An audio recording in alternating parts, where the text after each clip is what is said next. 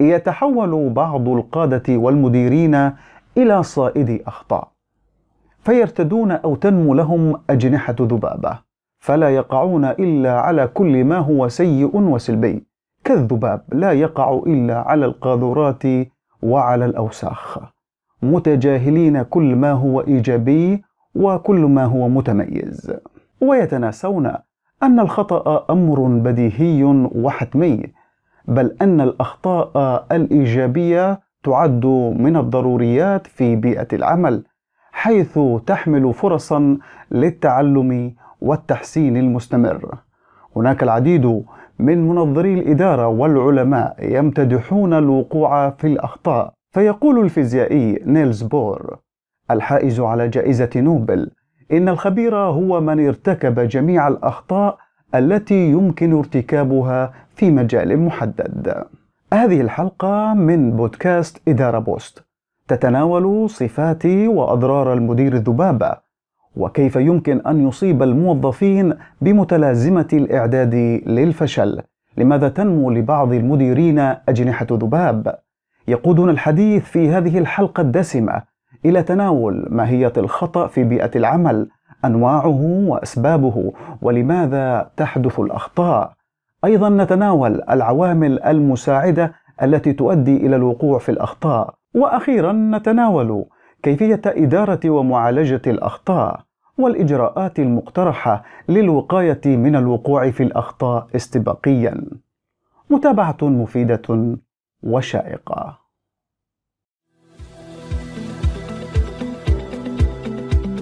إدارة بوست مع عبد العزيز القدسي. أسعدتم أوقاتا هذه حلقة جديدة من إدارة بوست. عنوان الحلقة مدير بجناحي ذبابة.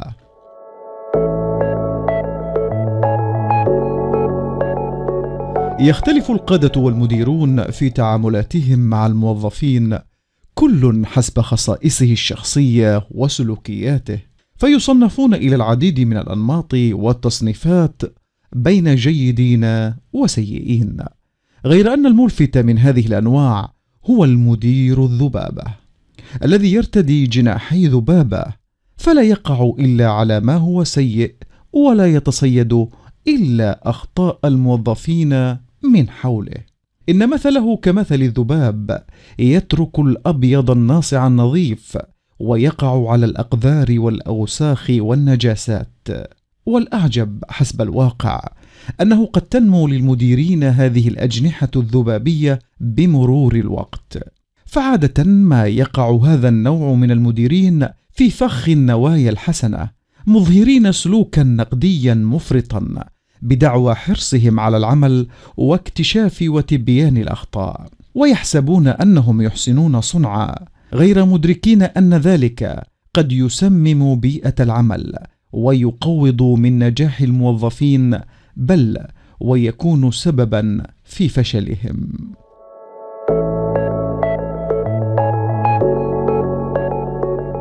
وفقا لموقع Officevibe لتطوير فرق العمل يفضل 65% من الأفراد العاملين مديرا جديدا على زيادة الراتب. نعم يشير هذا إلى أن أكثر من ستة أفراد لا يمكنهم فعلا تحمل مديريهم. فما الذي قد يجعل من هؤلاء المديرين سيئين ومزعجين وغير مرغوب بهم لدى مرؤوسيهم؟ في مقال لفينيت نيار منشور بمجلة Harvard Business Review بعنوان إدارة ثلاثة أنواع من الرؤساء السيئين. يتناول المؤلف ثلاثة أنواع من المديرين السيئين وهم المتردد وغير الآمن والذي يعرف كل شيء. يؤكد المقال على أن هؤلاء الأنواع من القادة المديرين يمكن أن ينتهي بهم المطاف ليكونوا سيئين نتيجة لنقدهم المستمر لموظفيهم أو تصيد أخطائهم بدلا عن الاحتفاء بنجاحاتهم.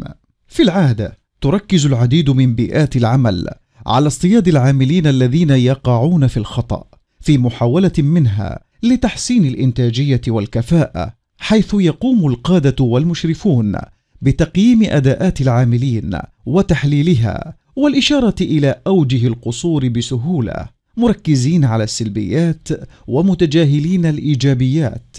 هذه البيئات هي التي تشجع على بروز ونمو جناحي الذبابه لدى المدير أو المدير الذبابه الذي يمكن وصفه بأنه من يتولى وظيفة إشرافية ويركز على اكتشاف واصطياد الأخطاء التي يقع فيها الموظفون والأمور والأفعال السلبية والسيئة وتوجيه اللوم والانتقاد المفرط والمسيء للموظف والتقليل من شأنه بصورة تؤثر في نفسيته مع إهمال الإيجابيات والنجاحات وعدم الاحتفاء بها. أثر المدير الذبابة تسيطر على المدير الذبابة. سلوكيات تصيد الأخطاء والانتقاد.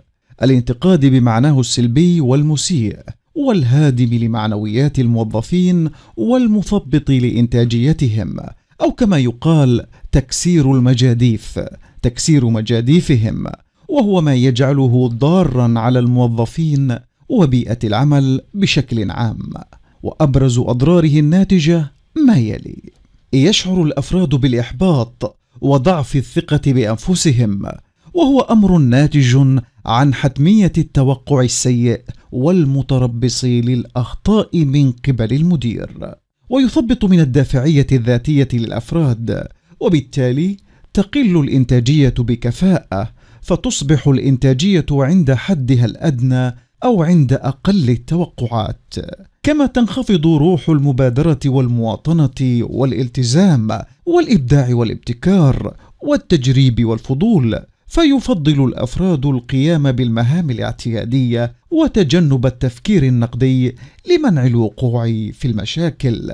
يجعل المدير الذبابه الجو مشحونا ومتوترا لدى الأفراد وأعضاء الفريق. متوجسين باستمرار من أن ينالهم لوم أو عتب أو تصيد خطأ حتى وإن كان خطأ صحيا. ويحد من استقلالية الأفراد ومشاركتهم في صنع القرار والاندماج في العمل وبالتالي الانغلاق والانعزالية والاغتراب عن بيئة العمل. يشعر الموظفون مع المدير الذبابة بعدم التقدير وعدم العدالة والإنصاف ويتطور الوضع ليصبح النمط السائد هو الإدارة بالتخويف بالاعتماد على التهديد والوعيد والتركيز على الأخطاء والانتقادات المتكررة بهدف حث الموظفين على الخضوع والطاعة من أجل تحقيق النتائج المنشودة وفرض السيطرة بالتخويف بدلا من السعي إلى زرع الثقة في أعضاء الفريق الواحد. وإلهامهم لأداء المهام.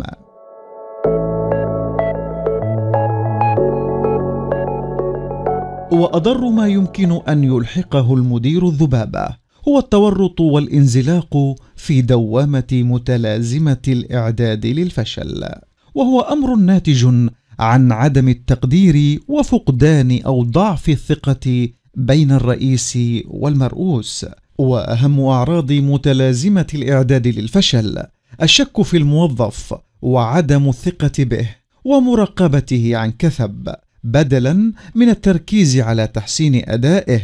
هذا الأسلوب القائم على المبالغة بالمحاسبة بكل التفاصيل يجعل الفرد يدرك أنه غير موثوق به فتنخفض إنتاجيته. أو تصبح عند حدها الأدنى أو أقل التوقعات. وتستمر دائرة الانتقاد وتصيد الأخطاء ويبدأ الفرد بالانسحاب من العمل ومن رئيسه والرغبة في ترك العمل ويقوده ذلك للفشل في المحصلة. لماذا تحدث الأخطاء؟ يقودنا الحديث عن المدير الذبابة متصيد الأخطاء إلى محاولة فهم ماهية الخطأ وكيفية إدارته والتعامل معه في بيئة العمل. الخطأ أمر لا مفر منه في جميع جوانب الحياة وخاصة في الأعمال. فمن لا يخطئ ابدا لا يصنع شيئا ابدا كما قال الكاتب البريطاني جوزيف ديلاني. بل إنه يعد ظاهرة صحية في حدوده المقبولة والمتوقعة.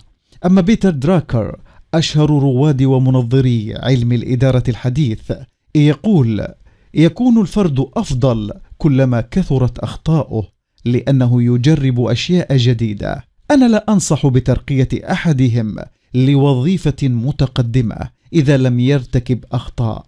فمن المؤكد أنه سيكون تقليديا ومتواضع المستوى. يعرف الخطأ في بيئة العمل أو الخطأ التنظيمي بأنه انحراف سلبي غير متوقع عن المعايير المحددة للإنجاز أو إخفاق وقصور في الأداء والأنشطة لتحقيق الأهداف المخططة والمرجوة.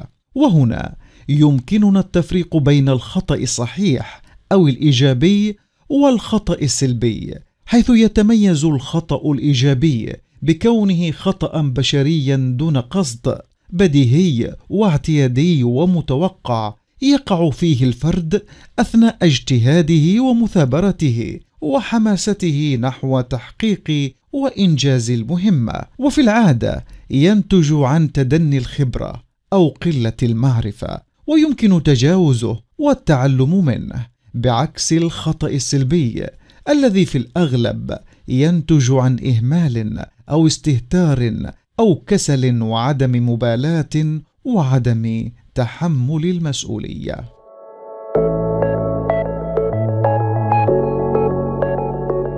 إن النقطة الفارقة في الحكم على المدير الجيد من المدير السيء صاحب أجنحة الذبابه هي في كيفية تعامله وإدارته للخطأ بفاعلية وكفاءة وجعله فرصة للتعلم والتحسين المستمر بدلا من نصب شباك تصيد الأخطاء والتشفي وتشويه سمعة الموظفين المرؤوسين. ولعل أهم خطوة في إدارة الخطأ بفاعلية وكفاءة تكمن في معرفة السبب الأساس للخطأ حيث تتعدد مصادر الأخطاء في العمل كما يحددها كل من جرابوفسكي وزملائه بين ثلاثة مصادر وهي كالتالي اولا أخطاء أساسها الدور والقواعد وتتمثل بفشل الفرد في اتباع القواعد والتعليمات المحددة والمتعارف عليها. ثانيا أخطاء تتعلق بالمعرفة وتحدث عندما لا يفهم الفرد مهمة ما بشكل كامل ويستخدم معرفة محدودة أو قاصرة لتنفيذ المهمة بشكل غير صحيح. ثالثا أخطاء تعزى للمهارة وتتعلق هذه الأخطاء بعدم قدرة الفرد على أداء الأعمال والمهام بشكل جيد أو امتلاك وتطبيق المهارات المناسبة للقيام بها وإنجازها. عوامل قد تؤدي إلى وقوع الأخطاء. هناك العديد من العوامل الشائعة التي قد تؤدي إلى وقوع الأخطاء من الأفراد في بيئة العمل وعلى رأسها ما يلي. اولا التوتر والضغط العصبي. ليس من المستغرب أن يكون التوتر سببا رئيسيا للخطأ فالإجهاد يثبط قدرتنا على التفكير بوضوح وينتج عنه أيضا اعراضا جسدية مثل ارتفاع ضغط الدم والصداع والتوتر. وفقا لاستطلاع نشرته شركة بحوث تسيان أكد أن 52 من المشاركين في الاستطلاع يرتكبون المزيد من الأخطاء في العمل عندما يتعرضون للتوتر.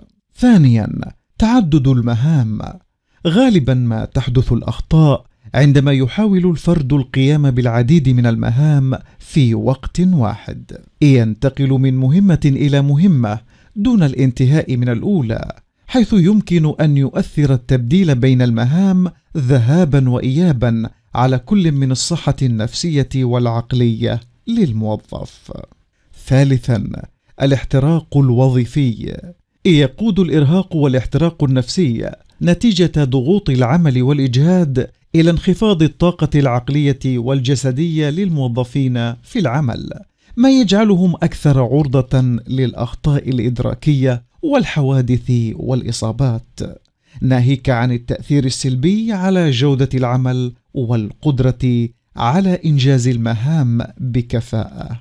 رابعا قصور في التدريب والتطوير. عدم تزويد الموظفين بالتدريب المناسب هو أيضا سبب للأخطاء البشرية.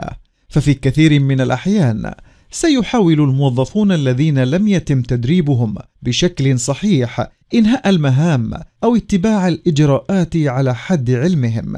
وقد يتسبب ذلك في وقوع أخطاء ومشاكل إذا لم يتم اكتشافها مبكرا ومعالجتها من خلال تقديم التدريب المناسب لهم.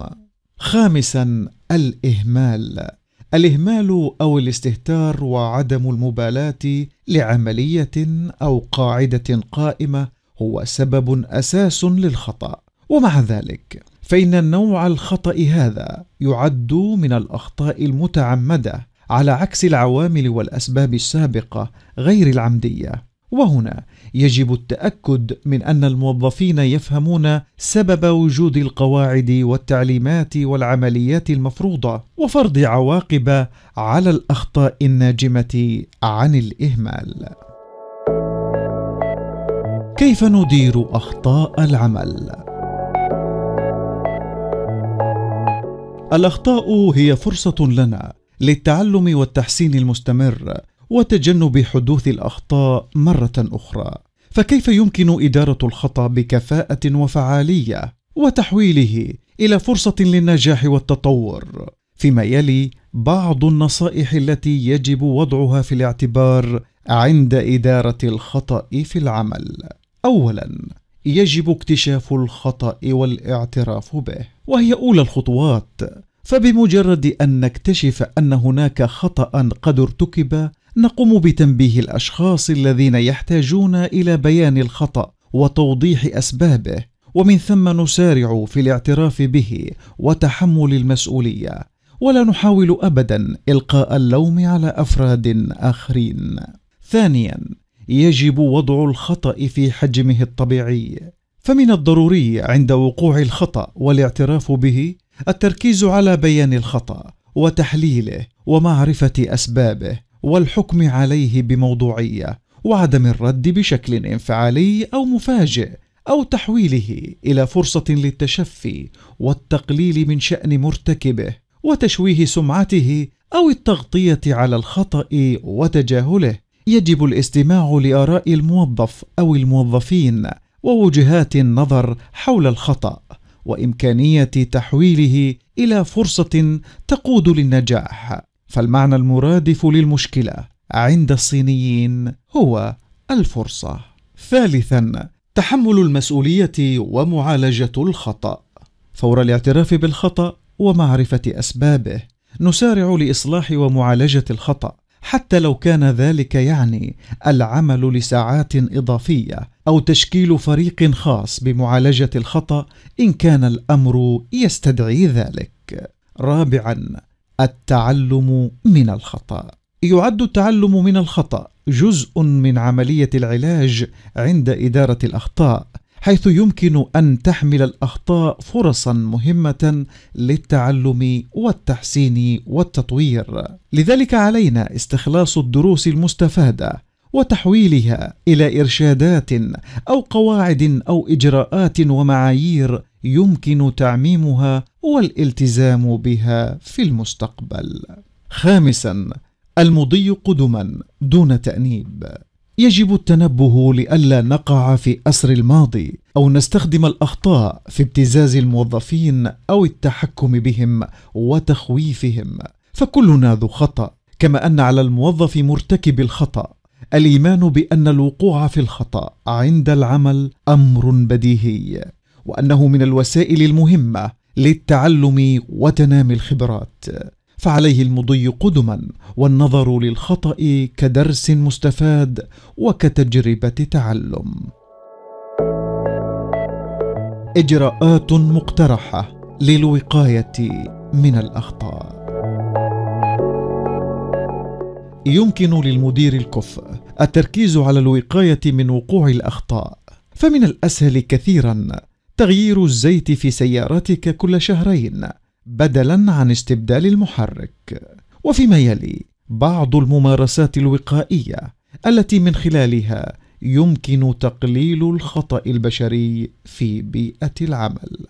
اولا تبني ونشر ثقافة إدارة الخطأ حيث يجب على القادة والمديرين التأكد من نشر ثقافة إدارة الخطأ لخلق بيئة عمل مناسبة وإيجابية في التعامل مع الأخطاء. وترتكز هذه الثقافة على التحول من ثقافة مقت الخطأ إلى ثقافة إدارة الخطأ والتعامل معه. وهي ثقافة تقوم على الوقاية والعمل الاستباقي في نظرتنا للأخطاء. وتبادل المعرفة حول الأخطاء وتقديم المساعدة والتعاون بين الموظفين في حالات ومواقف الخطأ وسرعة كشف الأخطاء والتعامل بفاعلية ورشاقة معها. كما أنها تدعم التواصل المفتوح بين الموظفين بعضهم البعض والرؤساء والمشرفين واعتماد مبدأ الشفافية وعدم التستر على الأخطاء. وطرح كل الأمور للمناقشة والحديث عنها كما تركز على الاستشعار الاستباقي ورشاقة التحرك والاستجابة وتعزيز الإبداع والأفكار في حل المشكلات وتطوير العمل. ثانيا تحسين الاتصال والتواصل الفعال. إن الاتصال والتواصل الفعال هو المفتاح في منع حوادث الأخطاء البشرية. فالعديد من أنواع الخطأ البشري ناتجة عن سوء فهم القواعد أو العمليات.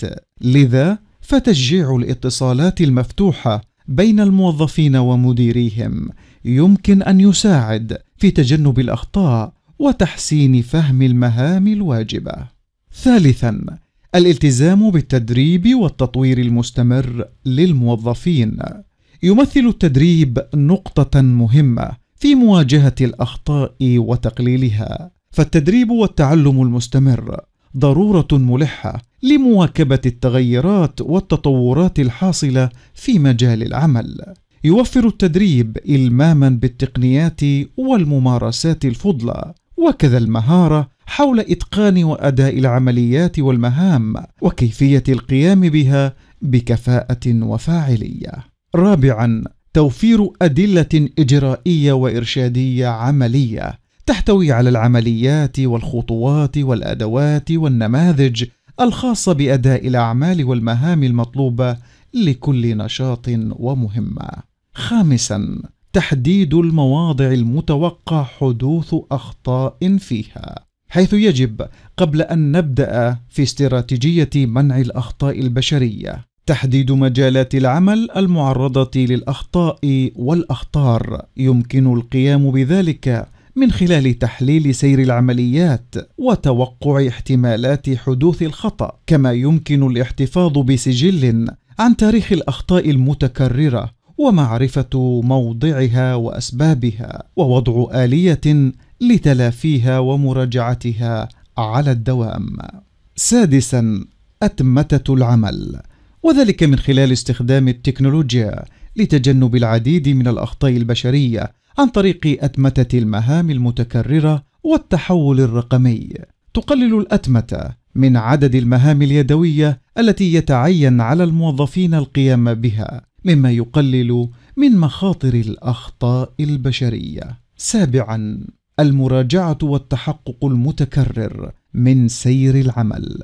وذلك من خلال رفع التقارير وعقد الاجتماعات الدورية ليكون المديرين على اطلاع دائم بتقدم الأعمال والمهام ويبدون من خلال ذلك ملاحظاتهم التوجيهية.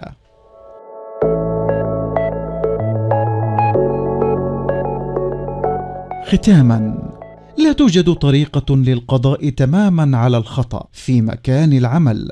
كلنا بشر ونرتكب الأخطاء. وسنظل نرتكب الأخطاء. فاخلع جناحي الذبابة عزيزي القائد المدير. ودعك من التركيز على اصطياد أخطاء موظفيك ولومهم وتوبيخهم. وارتدي جناحي نحله لا تقع إلا على كل ما هو جميل.